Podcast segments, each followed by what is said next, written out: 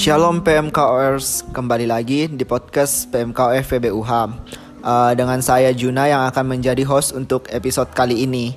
Nah, uh, di mana kita ketahui bahwa di dalam sebuah organisasi Tentunya organisasi tidak dapat berjalan tanpa adanya sekelompok orang yang mengurus di dalam organisasi tersebut.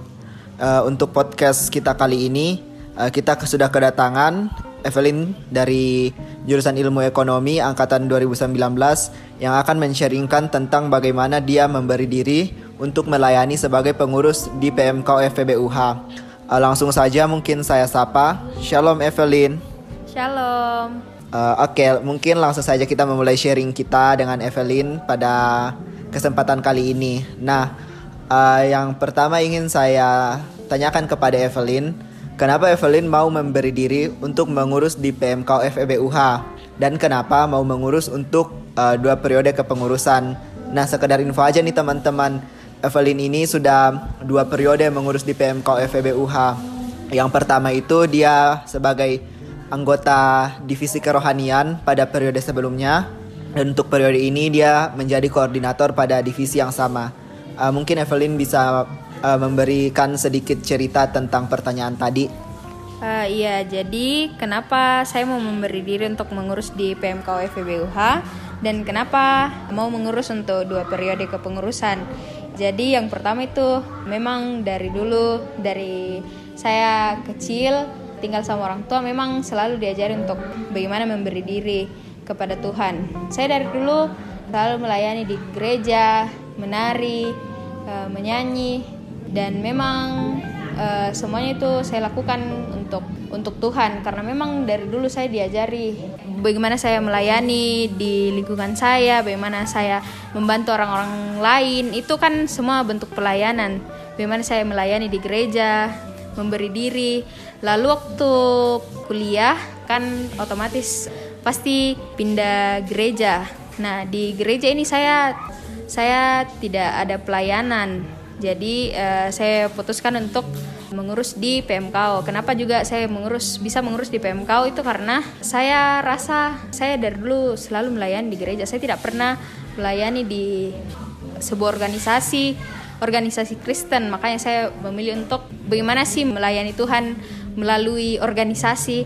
Maksudnya kan kalau kita di gereja kita menari, main musik atau menyanyi, memang itu terlihat memang benar-benar uh, sebuah pelayanan. Tapi bagaimana kalau misalnya kita di sebuah organisasi bagaimana caranya untuk uh, melayani Tuhan? Bagaimana kita mengasihi sesama? Karena kan mengasihi sesama itu kan kalau menurut saya itu sudah bisa dikategorikan untuk melayani Tuhan.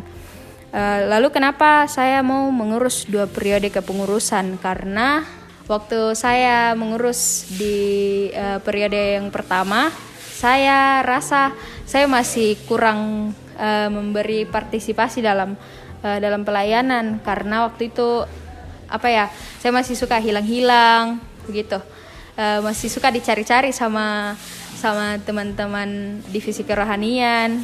Uh, jadi kenapa saya mau mengurus dua periode ini? Karena mau memperbaiki apa ya memperbaiki pelayanan yang dulu mungkin saya sia-siakan karena saya selalu hilang-hilang seperti itu. Oh ya, sudah terjawab ya kenapa Evelyn mau mengurus di PMKO yaitu sebagai bentuk kepelayanannya dan untuk periode kedua ini dia mau memang benar-benar memberikan diri uh, untuk tidak mengulangi kesalahan yang sudah disebutkan pada periode sebelumnya. Nah, untuk periode ini kenapa Evelyn mau memberi diri untuk menjadi koordinator di divisi kerohanian. Iya, untuk pertanyaan ini kenapa di periode ini memberi diri untuk menjadi koordinator? Karena yang pastinya karena kan saya sudah pernah jadi anggota di divisi kerohanian. Lalu kenapa ambil koordinator? Sebenarnya awalnya eh, saya tidak mau karena eh, menjadi seorang koordinator itu memang eh, menurut saya sangat berat memiliki tanggung jawab yang lebih daripada menjadi anggota. Tapi karena waktu itu saya tanya Tuhan dulu, Tuhan saya saya bisa ndak sih jadi koor? Takutnya eh, saya kembali lagi seperti yang dulu yang hilang-hilang. Lalu waktu itu saya tanya orang tua saya dulu, terus tanya Tuhan, bisakah Tuhan saya saya jadi koordinator, bisakah saya pimpin teman-teman saya? Bisakah saya menjadi seorang pemimpin yang bisa bertanggung jawab atas pelayanan ini? Nah waktu itu saya bilang sama Tuhan kalau misalnya memang tidak ada kendala Tuhan, eh, saya bersedia jadi koord dan setelah berbincang dengan orang tua dan berdoa sama Tuhan, saya waktu itu memutuskan untuk jadi koordinator divisi kerohanian. Uh, ya baik, uh, ya mungkin itu kenapa alasan Eve mau menjadi koordinator pada periode ini. Dan uh, memang benar uh, tanya Tuhan dulu uh, sebelum memulai sesuatu. Dan uh, hal itu pun bisa dibuktikan pada kali ini. Kita melihat proker-proker dari divisi kerohanian yang sudah berjalan dengan luar biasanya. Itu tidak akan berjalan dengan begitu luar biasanya tanpa adanya seorang yang mengkoordinir proker-prokernya. Uh, nah, pada dua periode kepengurusan ini tentunya itu hal yang sangat panjang, uh, bukan? Iya. Nah, pasti di dua periode kepengurusan ini terdapat suka maupun duka yang Eve alami selama mengurus. Mungkin Eve bisa men-sharingkan kepada uh, teman-teman terkait suka duka yang Eve alami selama mengurus dua periode ini. Kalau suka dukanya pasti banyak sih. Kalau sukanya itu apa ya?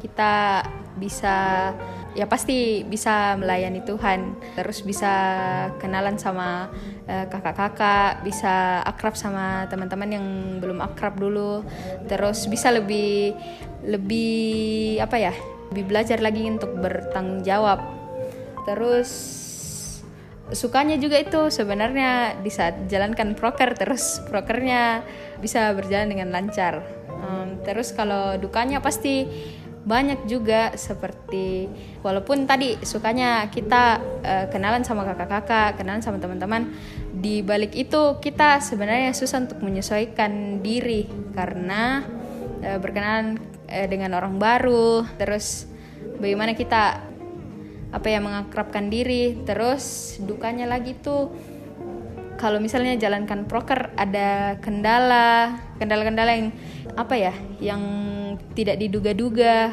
datang tiba-tiba terus pastinya masalah internal juga memang ada. Memang di setiap kepengurusan pasti itu ada. Lalu apa lagi ya? Oh ya kalau dukanya lagi kan di periode ini ya, ketemu lagi dengan anggota 2020 itu kita mulai lagi menyesuaikan diri sama mereka bagaimana kita tarik hatinya mereka untuk uh, bisa sungguh-sungguh jalankan proker. Terus mungkin duka yang dirasa juga dulu koordinatorku dan waktu pas urus saya mungkin saya juga sudah rasa mi.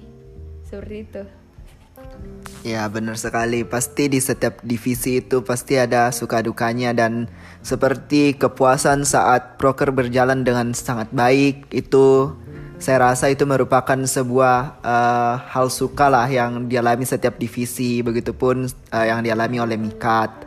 Uh, dan dukanya mungkin ya saat broker kita yang kita harapkan tidak berjalan sebaik yang kita pikirkan, uh, pasti itu kayak menjadi suatu pengalaman kita bisa katakan duka lah.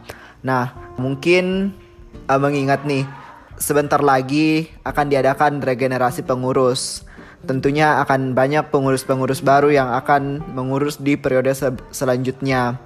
Uh, mungkin ada pesan dari Evelyn uh, kepada calon pengurus yang nantinya akan mengurus di PMKO. Pesan dari saya kepada calon pengurus baru yang akan mengurus di periode selanjutnya, saya pernah ingat kata-katanya kakak-kakak PMKO. Ada yang pernah bilang begini, bagaimanapun teman-teman aktif di luar teman-teman tidak apa-apa aktif di luar tapi ingat untuk pulang ke rumah. Jadi kan PMK ini uh, rumahnya teman-teman. Teman-teman uh, mengurus di situ, melayani di situ. Tidak apa-apa melayani di luar tapi teman-teman harus ingat untuk pulang. Untuk teman-teman yang mau mengurus betul-betul serahkan dirinya teman-teman sama Tuhan. Benar-benar serahkan dirinya untuk pelayanan. Yang selanjutnya juga saya menyarankan kepada teman-teman semua untuk benar-benar memikirkan divisi-divisi apa atau teman-teman mau jadi apa di kepengurusan ini. Dan setelah teman-teman putuskan itu doakan dulu tanya sama Tuhan dulu. Terus benar-benar memberi diri untuk melayani Tuhan. Di PMKO ini kita bukan melayani teman-teman di PMKO tapi kita di sini melayani Tuhan. Jadi betul-betul biar semua apa yang teman-teman lakukan itu proker yang teman-teman lakukan itu biarlah semua seolah-olah dilakukan untuk Tuhan. Uh, mungkin itu saja dari saya. Terima kasih. Ya, terima kasih Evelyn untuk sharing-sharingnya pada episode kali ini. Uh, satu pesan mungkin yang sangat bagus dari Evelyn tadi kepada mungkin calon-calon pengurus yaitu pertimbangkan dengan baik kalian akan mengisi posisi apa di kepengurusan. Pikirkan itu dengan baik-baik karena nantinya teman-teman akan melaluinya dalam satu periode kepengurusan. Nah, dan untuk podcast episode kali ini uh, menurut saya sangat bagus untuk didengarkan oleh para teman-teman yang tertarik atau mau memberi diri untuk melayani di PMK FEBUH. Uh, mungkin untuk episode kali ini kita sampai di sini. Terima kasih Evelyn untuk uh, meluangkan waktunya untuk hadir di podcast PMK FEBUH. Sama-sama, Tuhan Yesus memberkati. Uh, dan sampai jumpa di podcast PMKO FEBUH di episode selanjutnya. Jangan lupa untuk selalu mendengarkan podcast-podcast PMKO FEBUH baik yang mungkin episode-episode sebelumnya yang belum teman-teman dengarkan ataupun episode-episode yang akan datang. Sampai jumpa. Tuhan Yesus memberkati. Shalom. Shalom.